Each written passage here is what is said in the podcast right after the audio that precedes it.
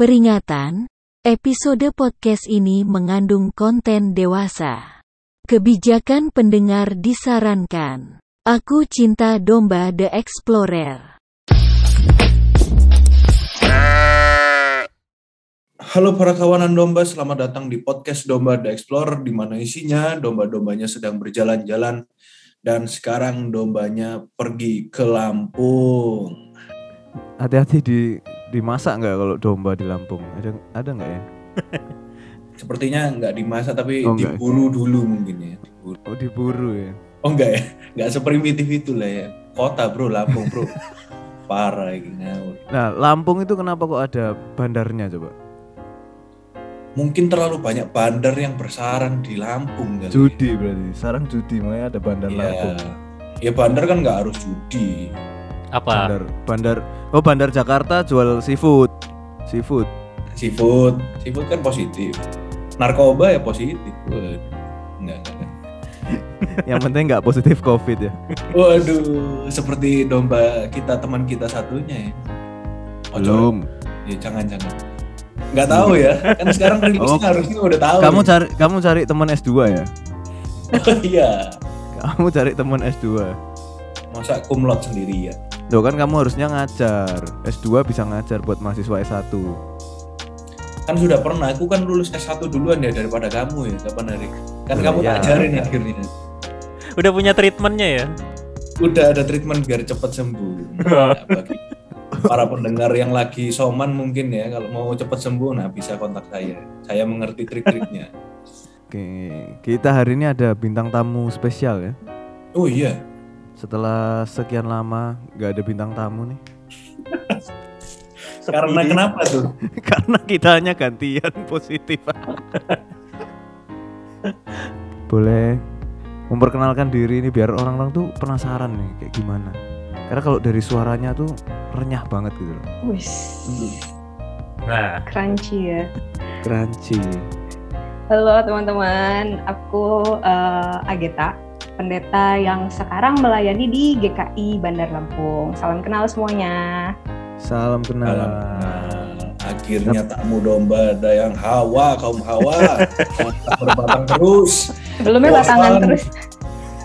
lama ini kita pasti batang mulu gak aduh kan kita butuh apa sudut pandang dari perempuan juga lah ya Sudut pandang perempuan. Nah karena memang salah satu tema yang paling digandrungi domba-domba sesat ini. apa? Ratingnya apa ya ratingnya? Sek sek sek sek sek tok ae. Paling tinggi sek nomor 2 horor emang. ya pendengar Indonesia memang kan Mungkin mencari pembenaran. nah Relatability-nya tinggi kali. iya Mungkin. Karena kan ini kita dipandangnya podcast rohani ya karena dari gereja gitu. Tapi kok membahasnya seks? Nah mungkin kebenaran akan seks ini diungkapkan di podcast kita gitu. Makanya pendengarnya banyak sekali tentang seks.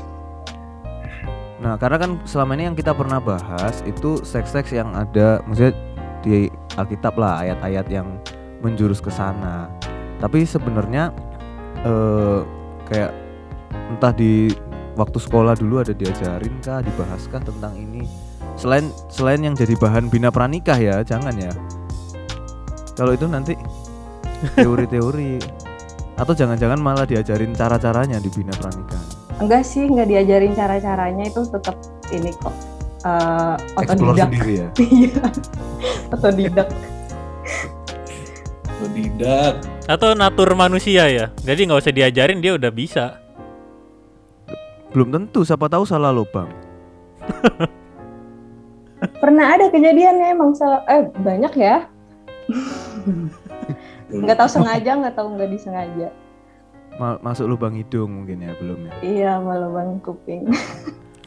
Nah sebenarnya kalau ini kan mumpung tamunya pendeta, kalau produser kita ini kan belum sah. Betul. jadi jadi kalau keabsahan jawabannya tuh diragukan. Udah belum Diragukan. nikah, belum nikah, belum pendeta lagi, waduh belum sah. tapi usianya lebih tua daripada yang pendeta ya sepertinya Iya, begitulah kira-kira ya. Jalan hidup orang ya. oh, jadi orang benar benar benar Nah, kalau dari ibu pendeta itu sebenarnya kayak kita kalau ngomong berarti kan intercourse ya. Ya. Nah itu pandangan Kristen tuh sebenarnya kayak gimana sih? Karena kan kalau ayat ada yang bilang beranak cucu lah, gitu kan. Tapi ada yang bilang eh, Mm-mm. sekarang kan KB apa kayak gitu-gitu. Tapi sebenarnya tuh pandangan Kristen sebenarnya kayak gimana sih? Nah, eh, jadi gini, sebenarnya eh, kekristenan itu ya, maksudnya agama Kristen itu eh, aslinya itu nggak pernah nyusun padu- panduan atau pedoman eh, tentang seksualitas sampai abad kelima. Jadi kalau kita bandingkan dengan agama Yahudi nih, kan Mhm. mereka punya banyak tuh di imamat ada, terus eh, di hukum Taurat pun meskipun cuman se- cuman dikit ya jangan berzina, tapi kan diuraikan macam-macam. Nah, eh, orang Kristen tuh nggak punya yang seperti itu sampai abad kelima. Kenapa gitu? Karena dulunya ketika eh, gereja itu baru muncul ya eh, setelah Pentakosta, eh, orang-orang Kristen tuh percaya kalau Yesus tuh bentar lagi juga bakalan datang. Jadi eh, segala sesuatu yang berkaitan sama kehidupan sehari-hari gitu soal eh, makanan apa yang pantang, apalagi di Kristen kan apa aja bebas gitu. Terus juga eh, bagaimana cara hidup berkeluarga dan lain-lain itu nggak diatur gitu karena semua orang dipersiapkan untuk meng- menghadapi kedatangan Tuhan di hari akhir. Tapi ternyata kan Yesusnya nggak datang-datang nih. Akhirnya sampai di abad kelima, eh, kenapa peraturan atau pedoman itu dibuat? Maksudnya etika Kristen tentang seksualitas itu dibuat karena kalau teman-teman mungkin pernah bahas, pernah nggak ya? Kekristenan itu Mhm. jadi agama negara di abad kelima. Ya Nah, di Romawi kan. Ya, jadi setelah Kaisar Konstantinus Agung itu dibaptis, ya udah akhirnya agama Kristen jadi agama yang dianggap sah dan kan zaman dulu kan kalau rajanya jadi Kristen ya semuanya, jadi Semuanya Kristen. ikut. Iya. Barulah tuh mereka mulai nanya-nanya ke eh, para pemimpin gereja, misalnya kayak Agustinus dan lain-lain. Kalau misalnya nikah tuh kayak gimana ya hukumnya menurut Kristen? Kalau berhubungan seks tuh kayak gimana? Sejak itu baru etika Kristen eh, dibuat tentang seksualitas. Tapi eh, semuanya itu bicara tentang seksualitas dan mengaitkannya dengan dosa. Jadi, iya. Jadi aslinya tuh eh, bapak-bapak gereja cenderung me- menganjurkan orang-orang Kristen buat menjauhi segala aktivitas seksual karena eh, seksualitas itu eh, berkaitan banget dengan dosa. Kenapa? Karena ada ajaran gnostik yang membuat Mhm. mereka percaya kalau tubuh itu lebih rendah daripada roh. Jadi segala sesuatu tentang tubuh termasuk seksualitas itu rendah. Gitu. Segala sesuatu tentang tubuh itu rendah. Berarti intinya kalau eh, kayak butuh makan pun juga dianggap lebih rendah daripada roh gitu ya. Iya, makanya kan eh, disiplin rohaninya salah satunya puasa. Atau mungkin karena mereka nggak doyan. Kalau nggak doyan sih sebenarnya doyan ya. Kan kita tahu Agustinus itu gundiknya banyak. Dia punya anak Nah. juga. Atau dianya yang boleh, orang lain nggak boleh. gitu. Nah itu curangnya Agustinus kan. Jadi dianya udah puas, habis itu dia jadi biarawan. Terus dia bikin eh, etika tentang seksualitas di mana dia bilang seksualitas itu eh, dosa gitu, berkaitan sama dosa. Setelah dia puas gitu. Yaitu eh, terserah sudut pandang kita masing-masing mau ngelihat bapak-bapak gereja ini seperti apa ya. Cuma kalau dibilang mereka nggak menikmati, di banyak tulisan mereka pun mengakui kalau mereka sendiri sulit untuk menahan sexual desire-nya. Oh makanya mereka eh, pada biarawan-biarawan semua dan kalau di Katolik kan nggak boleh nikah kan. Benar, kehidupan membiara tuh dianggap lebih bagus daripada kehidupan berkeluarga. Kenapa Tapi mukanya kalau- jadi Hmm? serius semua? Nggak tahu Joy udah pengen kelihatannya. Lulu. Enggak, aku ini setelah mendengarkan Kak Ageta tadi ngomong Agustinus itu setelah puas baru membuat etika itu kan. Berarti kita harus mencontoh Agustinus setelah puas baru puasa. Eh. harus dipuaskan dulu berarti. Jadi puas-puasin Dia umur dulu. Berapa ya? Puas-puasin dulu baru oh puasa gitu. Dia umur berapa ya bikin bikin dia berubah jadi biarawan itu? Kalau umurnya sih lupa, cuma dia udah punya anak. Jadi dia udah dulunya kan dia tinggal di Milan. terus uh, dia punya gundik, maksudnya istri yang nggak dinikahi. Mungkin ada yang dinikahi juga ya, uh, lupa. Tapi ada beberapa lah perempuan yang dia, maksudnya yang dia jalin hubungan bersama-sama gitu. Hmm. Tapi habis itu udah selesai, maksudnya dia udah pergi dari Milan, terus dia jadi bapak gereja. Oh jadi sebelumnya dia belum bapak gereja? Belum, dia setelah bertobat baru dia jadi bapak gereja. Bertobat hmm. dalam arti dibaptis ya. Oh, Oke. Okay. Oh jadi itu semua kehidupan sebelum dia dibaptis. Yap. Makanya dia bikin aturan. Hmm, kalian udah dibaptis kan? Jadi ya udah nggak ada waktu lagi guys. sendiri waktu bayi. Jadi tahu gitu mestinya jangan baptis dulu ya. Puasin dulu. Puasin dulu ya. Ya ya tapi kan dibaptisnya udah pas lahir. Pas iya, bayi belum bisa ngapain. Jangan karena itu mau papa kita ini baptis kita waktu bayi ya. Takutnya pas sudah gede liar. Tapi apa Agustinus itu valid nggak? Maksudnya biara kan dia harusnya nggak nikah, menjaga kesuciannya. Tapi sebelumnya dia kayak gitu. Terus pas menjadi biara pun apa anak istrinya terus digimanakan itu akhirnya itu ceritanya. Pas dia udah jadi biarawan ya, hmm, ya nggak apa-apa. Maksudnya di tetap uh, tetap hidup nih kalau yang zaman dulu ya ada sebagian yang misalnya mereka udah menikah ya udah istrinya jadi biarawati oh. oh. tapi uh, uh, ada juga yang ya udah kalau memang istrinya nggak mau maksudnya istrinya juga punya pekerjaan di luar kehidupan membiara ya pas suaminya jadi biarawan ya istrinya tetap jadi rakyat jelata gitu. Nah tapi terus itu kapan tuh kan kalau Kristen kan nggak apa-apa pendetanya nikah. Nah itu kapan pertamanya? Apakah waktu si Martin Luther protes-protes tuh sekalian aku mau kawin, aku mau kawin. Aku gak pernah ngerasain. Iya bener. Pas reformasi itu karena uh, karena Martin dia Luther. sange berarti. Gua nggak tahu dia sange apa enggak ya guys. Bisa aja dia cuma butuh perempuan buat bersih-bersih rumah kan? Ya buat apa? Iya kan. juga bisa. Oh, kalau kan ini konteksnya Martin Luther Martin Luther ya. Konteksnya Martin Luther kan kerjaan rumah perempuan semua. Hmm, oh iya zaman itu ya. Hmm, juga ada kaitannya dengan aset biasanya. Ya inilah namanya pernikahan tuh kan nggak semua seksualitas ada juga politik dan lain-lain. Banyak dimensinya. Tapi ya betul Martin Luther yang pertama kali uh, memperjuangkan supaya pendeta bisa menikah. Dan akhirnya Martin Luther menikah nggak itu akhirnya? Eh nikah nggak ya? Aduh lupa lagi Ki.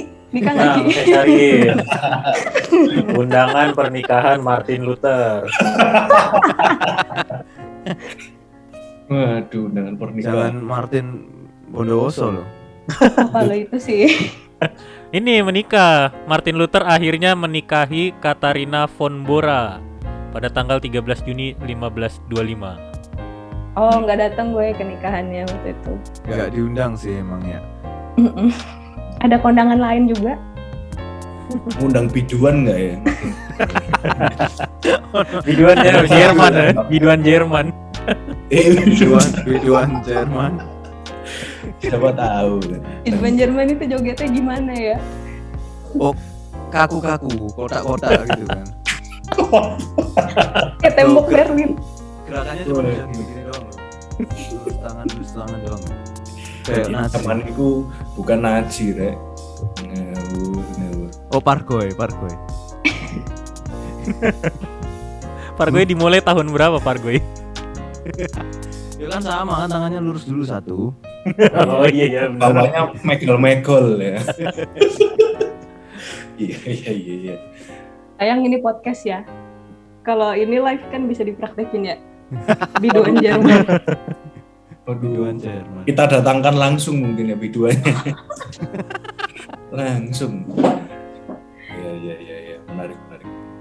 Oke, berarti awalnya pandangannya itu lebih ke dosa ya. Benar. Jadi uh, kalau mau uh, lihat beberapa pandangan Bapak Gereja ya, misalnya kayak Agustinus tadi kan, uh, menurut dia uh, dosa manusia itu diturunkan dari cairan semen laki-laki. Oke. Okay. Nah tapi kan cairan semen jadi anak. Nah itu makanya anak itu begitu lahir langsung dosa karena Oh. ada dosa turunan dari cairan semen bapaknya. Maksudnya dia aja udah lahir, udah hidup dari dosa gitu kan. Kecuali Yesus, karena Yesus Karena nggak ada cairan semen. iya dikandung dari Roh Kudus. Itu teologinya dia sih. Kalau yang dibuang di tisu jadi dosa juga nggak? Ini berarti ini ya apa namanya? Kan kalau di Alkitab tuh ada cerita tentang Onan dan Tamar. Onan. Heeh, Nah, cerita itu juga yang akhirnya bikin eh, orang-orang punya pandangan bahwa onani itu dosa karena dibuangnya di tisu gitu kan. Dan itu kayak di Alkitab tuh kayak dibilangin kalau masa argumennya adalah di Alkitab dibilang kalau misalnya cairan itu dibuang tidak pada tempatnya dalam hal ini tempatnya adalah vagina itu jadi dosa. Padahal sebenarnya kalau kita cek dari eh, cerita Onan dan Tamar itu ya, sebenarnya eh, yang bikin Onan itu jadi berdosa Dosa. dalam hal ini eh, kayak nggak dianggap berkenan kepada Allah itu karena dia nggak mau membulahi istri kakaknya supaya dia memberikan kakaknya keturunan. Jadi dia nggak maunya tuh lebih karena dia nggak cocok sama kakaknya dan karena itu dia nggak mau ngasih anak untuk atas nama kakaknya. Karena anaknya akan jadi dianggap anak kakaknya gitu kan. Betul. anak dia. Iya betul. Dia lebih ke konflik keluarga gitu sih. Hmm. Oke. Tapi ada juga yang memang merasa kayak KB itu jadi nggak boleh karena itu juga kan. Iya, karena katanya eh, menghalang-halangi eh, manusia untuk melakukan mandat ilahi ya, beranak cuculah dan bertambah banyak lah. Cuma bayangin teman-teman kalau dunia ini kagak KB, kagak ada KB gitu, kira-kira akan terjadi apa coba? Yang mati COVID lebih banyak kayaknya. Nah, Karena yang sekalian dibunuh kan, sekalian mengurangi jumlah populasi. maksud ini kan kayak Thanos ya, sekali cetek langsung hilang separuh gitu. Yang separuh. Nah, karena kan pasti penuh kan. Kalau kalau enggak ya bener-bener ya mungkin kita belum sempat lahir mungkin ya. Udah kiamat duluan. Iya benar. Penuhan. Betul. Jadi sebenarnya eh, beranak cuculah dan eh, penuhilah bumi ini kalau di konteks yang sekarang ya, kayaknya sih eh, apa namanya nggak terlalu relevan karena ya manusianya udah kebanyakan gitu. Sampai kan ada anak yang ditukar TV 14 inch karena orang tuanya nggak bisa ngerawat, nggak ada duit.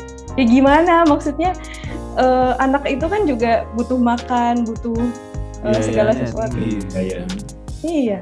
Kalau nggak ada KB, berapa banyak anak ditukar TV nanti? Iya benar benar benar. Yang pasti yang etnis Tionghoa pasti semakin kaya karena ada moto Cina itu banyak anak banyak rezeki gitu bener ya. Setuju nggak yang Chinese yang Chinese? Semua se- Iya. semua gitu rasanya. Oh semua gitu ya? Oh salah salah. Karena kan kepengennya anaknya bisa nafkahin orang tua ya. Iya. Oh, Investasi. Investasi. investasi benar benar. Tapi kalau anaknya nggak dikasih makan, nggak ada gizinya, bego semua ya bodong investasi. Iya. Di paling kerjanya yang nggak pakai mikir kali. Apa tuh kerja nggak pakai mikir? Apa ya? Nggak ada lah. Nggak ada nih. Ngelemin amplop juga mikir ya. iya makanya. kalau salah, kalau nggak mikir nggak nggak sinkron sama tangannya. Iya, iya betul betul betul.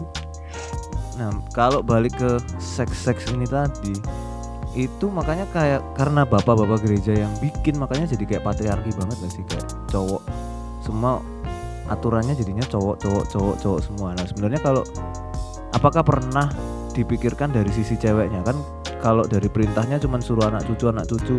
Padahal dari awal aja kan Hawa udah dibilangin kalau kamu nanti anak akan sakit. Jadi kayak Tuhan tuh nyuruh kamu perempuan kamu harus pasti akan mengalami sakit karena udah terlanjur aku hukum. Nah, itu dia. Jadi sebenarnya eh, pandangan agama Kristen tentang seksualitas itu termasuk yang berkontribusi terhadap eh, fenomena diskriminasi ke perempuan ya, termasuk Hmm. juga dalam hal seksualitas. Jadi em, teman-teman kemarin udah udah gue bagiin gambar tentang orgasm gap udah kan nah udah lihat ya jadi kalau di eh, gambar itu kelihatan kan bahwa em, yang paling tinggi level atau tingkat eh, kepuasan ya seringnya dia orgasme itu laki-laki heteroseksual. Terus laki-laki gay menyusul, terus kemudian eh, perempuan biseksual, perempuan lesbian atau kebalik gitu. Terakhir Biseksual- baru ya. Biseksualnya cowok dulu kan yang lebih tinggi. ya. oh cowok biseksual dulu ya lebih tinggi ya. Baru Hmm. habis itu uh, cewek ya. Oh lesbian baru habis itu yang terakhir banget itu kan yang uh, heteroseksual kan perempuan heteroseksual. Nah kenapa bisa begitu?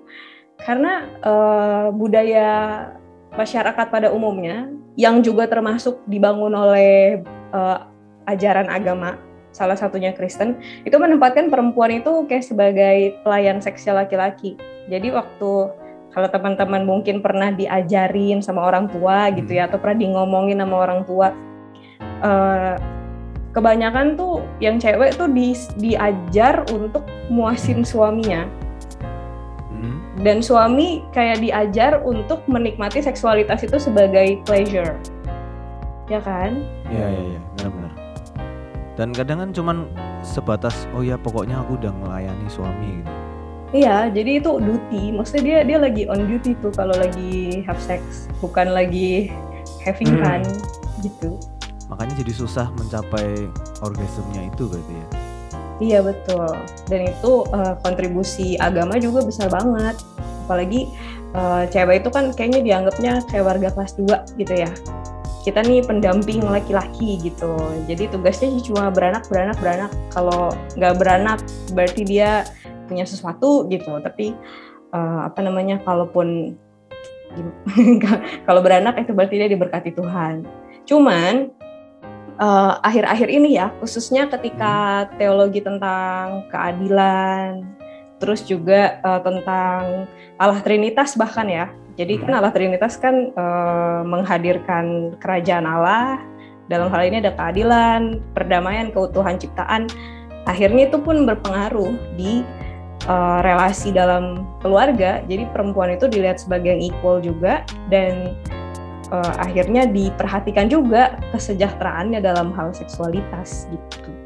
Berarti baru belakangan ini berarti ya. Ya, setelah Heeh. Eh, karena kan eh, kalau zaman dulu nih kerajaan-kerajaan bahkan yang di Alkitab juga kan tetap tuh istrinya banyak kan. Meskipun kita sering yang sering diomongin kan Salomo. Tapi sebenarnya bapaknya kan juga istrinya banyak. iya betul. Berarti kan di eh, Tuhan pun kayak mengizinkan itu terjadi juga. Itu sebenarnya lebih ke konstruksinya mereka sih. Jadi mereka kayak meng- karena pemahamannya itu banyak anak itu eh, melakukan mandatnya Tuhan, berarti banyak istri akan bikin potensi untuk banyak anak lebih banyak. Nah, akhirnya banyak istri itu ya bisa dianggap melakukan perintah Tuhan juga. Oke, jadi bertahannya karena perintah itu ya. Iya. Beranak cucu lah. Gimana Joy? Kamu mau beranak cucu berapa kamu? Jadi pengen ke zaman Daud kayaknya. ya. Eh? Mema- menjalankan mandat Tuhan maksudnya. Oh, Gitu ya. iya, iya. Iya. Bukan having fun doang tuh. Tapi kalau nggak bisa punya anak stres loh zaman dulu. Tapi yang salah kan cewek kan zaman dulu. Iya sih. Ya ya udahlah, balik lah. Kami menghegemoni hidup laki-laki. Dan eh, jadinya kayak kalau kita lihat di Alkitab mostly cuman ditulisnya selalu cuman waktu beranak, beranak, beranak, beranak gitu ya. Mostly, ya. Apalagi kan kalau yang ada tuh ayat-ayat yang memperanakkan, memperanakkan tuh isinya cowok semua. Iya, kecuali eh, istilah Yesus ada Rahab ya disebut. Dan Iya. Rahab itu pelacur lagi. Itu yang nomor berapa tuh ya di tengah-tengah ya? Di, di oh, Matius ya. Matius, ya? Matius. Iya, Matius 1. Sama namanya Rahab. Mm-mm. Dia itu eh, adalah perempuan sundal yang membantu para pengintai-pengintai Israel waktu mereka mau memasuki tanah perjanjian. Oh, ini yang di Oh. Yosua nggak sih ya, Rahab itu ya? Iya betul. Yosua 2, Yosua 5 ya, ya. Oh, oh itu mamanya Boas. Mamanya Boas itu kan Karena ini Rahab ini bener kan istrinya Salmon ini kan. bukan bukan bukan bukan. Oh, lain. Lain Rahab. Itu another Rahab. Iya. Soalnya yang di sini kan Salmon memperanakkan Boas dari Rahab. Beda kayaknya ini Rahab zaman lain. Eh, apa yang itu ya? Kayaknya. Iya, iya. Ini yang di Matius 1 kan. Tapi kalau kalau dari Yosua ke Boas jauh amat. Ya deng, ternyata bukan yang itu deng. Sorry sorry. Tapi eh tunggu ya. Ini nanti ada cut-cutnya kan? Gak apa-apa kita. terserah editor terserah editor Keputusan ada di tangan editor. keputusan terakhir ada Produsernya tidak berkuasa kok. Karena ini bukan eh, podcast edukasi. Oh, Jadi kita selalu klaim bahwa jangan percaya 100% apa yang kita obrolkan di sini. Oh cross check juga. Tetap Mm-mm. cross check juga tanya ke pendeta kalian, pendengar. Mm. Karena kami bukan guru agama. Cuman kan memang yang punya pangkat pendeta di sini ada ya. Waduh, Mak. Jadi gini semakin pressure ya Pressure. Jadi dulu tuh di kelas eh, teologi feminis ya, itu tuh pernah Hmm. di dibahas lah tentang tentang silsilah Yesus ini. Dan waktu itu diceritain bahwa ada salah satu perempuan yang bukan orang Israel dan eh, apa menjadi pekerjaannya itu perempuan Sundal dan dia masuk di Hmm. dalam silsilah Yesus yaitu si Rahab. Nah ini kan berarti kan ada temuan baru ya kalau ternyata Rahab itu bukan yang itu gitu. Wah, Tapi aku ngajar abis ini ya. Teologi ya. udah gitu papernya sampai dipresentasiin lagi waktu itu kayaknya ya Ki. Jadi eh, sempet Lupa saya. saya nggak masuk kayak itu. masa sih Ki? Atau enggak dia lagi main game pas temannya presentasi kali? iya. Heeh. Ngedesain, deadline, panitia, duit. Ya ampun masa-masa lalu ya. Iya jadi gitu dan itu tuh kayak di dijadiin icon feminisme banget bahwa eh, ada seorang perempuan Sundal yang masuk ke dalam silsilah Yesus. Nah kalau perempuan lain yang masuk di silsilah Yesus yang bukan bangsa Israel itu adalah Ruth. Ya, ada Ruth. Hmm. Iya. Dan dia bukan istri pertama lagi. Ya istri nemu kan? Nemu di, di sawah. kan? Nemu di sawahnya sendiri ya. Kayak keong ya. Dibahasain sama kalian. Nemu di sawah. Istrimu mana? Nemu di sawah. Iya ya, Iya, dulu kalau kalau si bos di apa di wawancara gitu, kalian dulu pertamanya ketemu di mana? Kayaknya. Dia lagi mungut-mungut gitu. Cuman kok dari dari jauh kok cantik juga. Emang apalagi kan si Rahab kan mamanya bos. iya. Mau nikah sama Salmon lagi. Agak orange-orange gitu berarti ya muka bapaknya bos. Salmon. Mikir apa dia ngasih nama Salmon ya? Kayaknya ikan salmon yang nyontoh nama ini sih. Soalnya duluan dia kan daripada ikan gitu. Ah, ikan salmon kan yang ngasih nama Adam. Mana tahu itu dulu Adam ngasihnya lain kan salmon bahasa Inggris bukan bahasa Ibrani kan? Salumun mungkin ya lebih bahasa bahasa Timur Tengah Karena bapaknya Salmon ini Nahason. Harusnya bapaknya Nahason Naha. Karena dia son. Son. Orang Astaga. orang Iceland, orang Iceland, Viking. Oke. Nah, kita balik lagi ya. Berarti tadi bukan ya, bukan si Sundal berarti ya. Bukan lain lain. Kita Tapi paper ada aja buat counter papernya itu. Iya benar-benar boleh tuh. Untuk teologi Pembuktian Ruth ya. bahwa paper ini salah. Iya, cuma tadi kan yang diinin kan perempuan masuk di silsilah Yesus kan? Hmm. Ada. Ya Ruth dan Rahab ada, itu. ada, ada, ada. Ruth, Ruth masih oke lah. Ruth masih famous lah. Iya. Tapi kan tetap ya, maksudnya kayak eh, perempuan paling yang paling dibahas tetap cantik si siapa Esther kayak gitu-gitu kan. Terus Sarah, Rahel ya, istrinya oh, mantunya ya, mantunya. Kan dicari, pokoknya cari perempuan cantik kan. Berarti kan tetap yang dinilai kan sebenarnya eh, fisik dan pasti arah-arahnya jatuhnya kan ke seksualitas lagi gitu kan. Iya. Apa apakah dihitung benda harus cantik atau gimana sih sebenarnya? Well, sebenarnya istri itu kan kayak uh, harta milik ya, aksesorisnya laki-laki. Jadi makin bagus aksesorisnya, ya makin apa? Makin tinggi juga uh, penilaian orang terhadap dia. Cuman kalau soal seksualitas tuh sebenarnya lebih ke ya selera ya. Dia berseleranya sama yang mana. Cuman ada satu uh, teks yang menarik juga soal ini yang kayaknya uh, counter culture banget nih yaitu dari Kidung Agung satu. Oke. Okay. Nah di situ kan ada uh, kisah tentang perempuan Sunem ya yang uh, katanya tuh kulitnya tuh hitam terus juga dia hmm. kayak disuruh manis sih dia bilang manis atau cantik ya coba kita lihat ya Oh, ini mempelai perempuan dan putri-putri Yerusalem ini ya. Yes. Oh, memang hitam aku tetapi cantik, betul. Yang bilang hmm. orang hitam manis itu orang sekarang ya, bukan orang dulu. sorry, sorry. Ya, Kidung Agung 1 ayat 5, memang hitam aku tetapi cantik. Nah, uh, jadi Kidung Agung ini sebenarnya kitab yang menarik uh, gue juga termasuk penyuka kitab ini karena banyak banget isinya itu uh, kayak melawan budaya zaman itu gitu. Salah satunya ini hmm. Bahwa perempuan yang hitam itu yang nggak kulitnya nggak berseri-seri kemerah-merahan itu justru uh, dikejar-kejar sama kalau di Kidung Agung ini kan Salomo dan juga si Gembala itu ya. Jadi dia hmm. uh, kayak banyak yang suka dalam hal ini sampai raja pun suka sama dia. Dan uh, kalau di dalam kitab-kitab lain itu kan kayaknya pantang banget perempuan itu me mengekspresikan desire-nya mereka ke laki-laki juga. Jadi kalau laki-laki berhasrat sama perempuan banyak di mana-mana, yeah. maksudnya di Alkitab di bagian-bagian hmm. lain banyak. Tapi uh, yang sebaliknya itu kayak cuma di Kidung Agung. Uh, tapi sebenarnya uh, kalau dari pandangan Kristen itu bo boleh nggak? Maksudnya kan uh, perempuan yang mengekspresikan kayak kayak nggak ada semua kan tapi sebenarnya boleh nggak? Karena kan kalau uh, biasanya cowok kan oh aku udah pernah make dia gitu.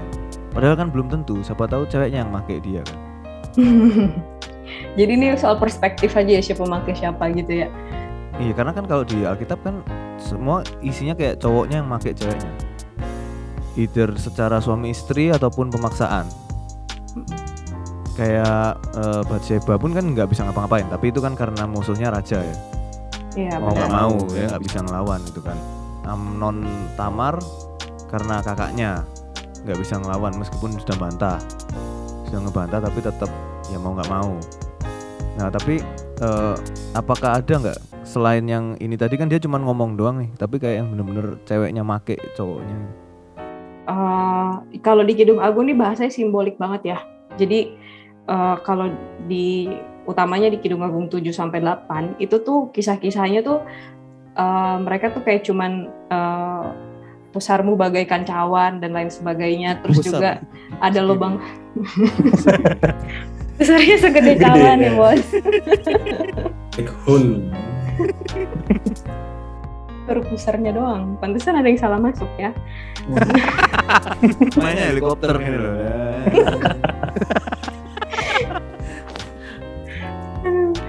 Iya, jadi um, mereka pakai bahasa-bahasa simbolik, terus uh, apa kayak soal lubang kunci yang bertetesan cairan mur itu kan sebenarnya simbolik ya. Nah, uh, apakah sexual intercourse itu udah terjadi atau belum? Emang nggak dijelaskan secara real di sini, tapi um, dari kode-kode itu kita bisa ngebayangin oh ini kayak sexual intercourse dan di situ ya si perempuan juga menikmati si perempuan juga have fun dan uh, itu terjadi karena dua-duanya saling berhasrat gitu. Nah persoalannya adalah Kidung Agung itu sampai hari ini uh, masih lebih sering di ditafsir secara alegoris. Jadi cuman dianggap sebagai uh, ekspresi kasih sayang antara Allah dan umatnya. Yang itu juga benar. Hmm. Tapi ada dimensi lain soal seksualitas yang benar-benar tadi itu masih dianggap tabu sampai jarang dibahas soal itu. Gitu. Karena lumayan detail ternyata ya. Meskipun dengan bahasa yang enggak nggak langsung gitu ya. Benar. Tapi lumayan detail dan itu ini kan yang nulis kan Salomo kan berarti. menurut ya menurut kepercayaan ya cuman ada lagi pendekatan lain yang bilang bahwa Kidung Agung ini yang tulis uh, bukan Salomo tapi sudah ada jauh sebelum uh, Salomo jadi raja itu maksudnya sebagian teks ya sebagian teks hmm. pas Salomo sebagian lagi sebelum sebagian lagi ada yang sesudah. Jadi oh, ini tuh kayak kidung rakyat yang dikumpulin gitu. Jadi lagu dong. Betul. Ini nyanyian nyanyikan oke okay, Joy kan bikin bikin bikin lagu kan, emang tolong dibikinin ya. Kidung Agung. Kidung Agung. Kan biasanya kan kalau di gereja ada biasanya buat gantinya Mazmur tuh loh. Oh iya boleh. Yang, yang suka dinyanyikan ya kan? Iya, ini nih Kidung Agung 7 ayat 6 dan seterusnya nih. Betapa cantik, betapa jelita engkau, hayang tercinta di antara segala yang disenangi, sosok tubuhmu seumpama pohon korma, dan buah dadamu gugusannya. Coba dibikin lagi. Berarti lah pentilnya buahnya gitu kan, merentil kayak korma gitu. Emang korma kayak gitu ya? Enggak satu-satu? Ini kan satu, satu gantungan kan bisa ada beberapa kan? Enggak oh. satu kan? Satu renceng gitu kan di sini. Langsung kan? Satu kan banyak buahnya kan? Itu bukan pentil kayak itu tumor deh. kayak itu lebih ke herpes kayak. Gila nih. Pohon korma tuh lo segede apa coba? Maksudnya buah segede-gede buah korma kali pentilnya astaga. Jadi ngebayang. ada pentil sebesar kurma mana ada. Ada areolanya mungkin iya. Iya kan? Loncong berarti areolanya. Zaman dulu orang belum tahu kalau itu areola kali. Jadi ya itu semua pentil gitu kali pikiran mereka. Satu kesatuan. ada yang bulat, ada yang lonjong, ada yang sipit. Loh, kiranya buah dadamu seperti gugusan anggur loh. Anggur lebih banyak lagi. Iya benar gerenjel-gerenjel. Dia bilang gugusan lagi ya, bukan buah ya. Iya, bukan buah. Kan gugusan. Berarti emang satunya dia kepengen ceweknya tuh susunya banyak. Dua kurang. Kayaknya mending dia sama sapi aja deh daripada sama orang.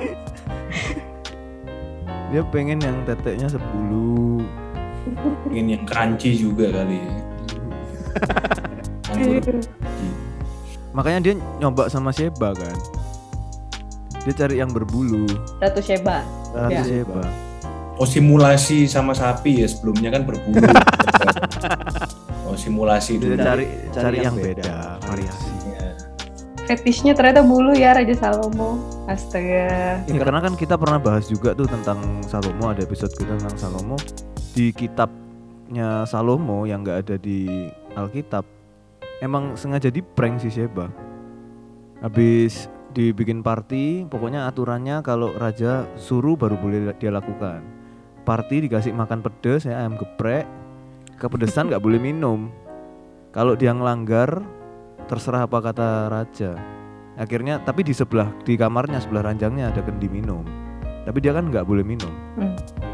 akhirnya dia minum kepedesan kan nggak kuat diminum ya udah diewek mas Salomo keluarlah si siapa itu yang anaknya lagi yang isunya bawa ngebawa apa tabut perjanjian ke Ethiopia.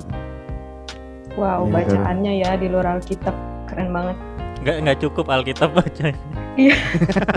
Kurang panjang Alkitabnya berarti ya karena yang dicari yang gini-ginian doang.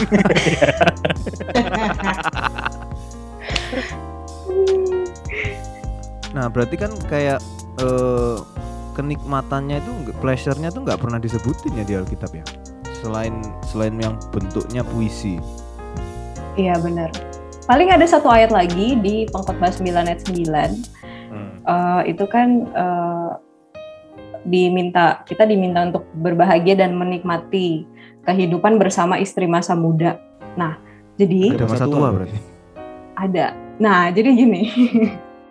kalau di dalam uh, di dalam budaya mereka, budayanya orang Yahudi itu kan kalau misalnya istri itu nggak beranak langsung dicerai kan. Hmm. Hmm, jadi langsung makanya ada uh, yang Yesus ketemu sama seorang perempuan yang punya uh, tujuh suami dan suami yang tinggal sama dia itu bukan suaminya karena yeah. di di budaya Timur Tengah itu uh, keseringan kalau emang perempuan itu nggak bisa punya anak ya dia akan uh, diceraikan dan dia bisa nikah sama orang lain lagi kalau memang si orangnya mau. Nah itu kemungkinan tujuh suami itu ya dia punya karena uh, dia nggak punya punya anak gitu. Nah uh, di satu film ada judulnya uh, Kadosh. Kalau teman-teman mau uh, penasaran sama film itu dia tahun 1999. Eh kebanyakan nggak ah. 9 ya? 1999. Benar, benar. Tulisannya benar benar 1999. Oke, okay. tulisannya Kadosh, oh, K A D O S H. S H. Ya. Nah, ini uh, satu film Yahudi tentang ceritanya ada seorang rabi yang dia punya istri tapi uh, gak bisa punya anak. Sebenarnya yang gak bisa punya anaknya itu si rabinya itu, yang cowok namanya Meir. Nah, si Meir ini kan uh, dia gak bisa punya anak tapi kan orang sana berpikirnya kalau ada yang mandul itu pasti ceweknya dong. Hmm. Nah, hmm. akhirnya uh, disuruhlah mereka itu bercerai. Tapi sebenarnya karena mereka saling mencintai, uh, aslinya mereka nggak mau gitu diceraiin. Dan salah satu argumen yang dipakai oleh si Meir untuk tidak menceraikan istrinya adalah pengkhotbah 9 ayat 9. Bukankah di dalam Alkitab dikatakan bahwa kamu harus berbahagia dengan istri masa mudamu? Tuh. Jadi dia kagak mau punya istri masa tua lagi, dia maunya sama si uh, istrinya itu. Tapi menurut hukum Yahudi, cerai ya cerai gitu karena nggak punya anak ya harus cerai hmm. jadi nggak selalu pernikahan Yahudi itu berkaitan sama cinta tetap dutinya nomor satu beranak cucu hmm. makanya dia nggak nggak maksudnya nggak ngikutin maksudnya kita kan nggak boleh cerai kan berarti kan karena ada ayatnya berarti kalau sebelum ayat itu ada mereka bisa kawin cerai bisa, makanya kan Yesus waktu itu ngomong uh, apa namanya barang siapa menceraikan istrinya karena kecuali karena zina, dia sudah membuat istrinya berzina. Ya salah satunya karena alasan itu. Berarti budayanya itu yang mau dihilangkan gitu ya? Iya, sebenarnya waktu itu Yesus tuh revolusioner karena dia minta supaya uh, orang-orang tuh nggak main cerai-ceraiin istrinya aja cuman gara-gara istrinya nggak bisa punya anak gitu atau melakukan kesalahan yang lain. Hmm, Oke. Okay. Nah, uh, kalau kayak gitu berarti dari zaman dulu-dulu pun kalau nggak bisa punya anak cerai-cerai-cerai dibuang gitu. Iya, dulu gitu. Oh, makanya nggak nggak pernah dicatat ya perempuan-perempuannya jarang banget. Benar. Dan sedihnya ketika mereka udah jadi janda, ya mereka nggak punya pekerjaan karena kebanyakan kan eh, orang-orang Yahudi kan bertani ya. Dan bertani itu kan pakai lahan. Pemilik lahan itu laki-laki. Jadi kalau dia statusnya bukan istri siapa pun dan keluarga dia nggak punya uh, cukup harta gitu ya atau cukup kemampuan untuk menampung dia, ya dia uh, berarti harus menghidupi dirinya sendiri dong. Nah, biasanya hmm. janda-janda ini hidup dari mana? Makanya itu Tuhan membuat lewat Musa ya. Hmm. Waktu itu kan sempat diragukan juga ya hukum Taurat ini benar-benar Musa yang eh benar-benar Tuhan yang kasih atau Musa yang ngarang. Nah, jadi di dalam hukum Taurat itu yang entah karangan Musa atau buatan Tuhan uh, dikatakan bahwa janda dan anak yatim itu dipelihara oleh persembahan yang dikumpulkan ke bait Allah. Jadi mereka makannya dari situ. Tapi uh, banyak juga janda-janda yang kurang beruntung ya mereka jadi Wait, para penasaran kan part 2-nya? Tunggu di episode berikutnya ya guys. Bye bye.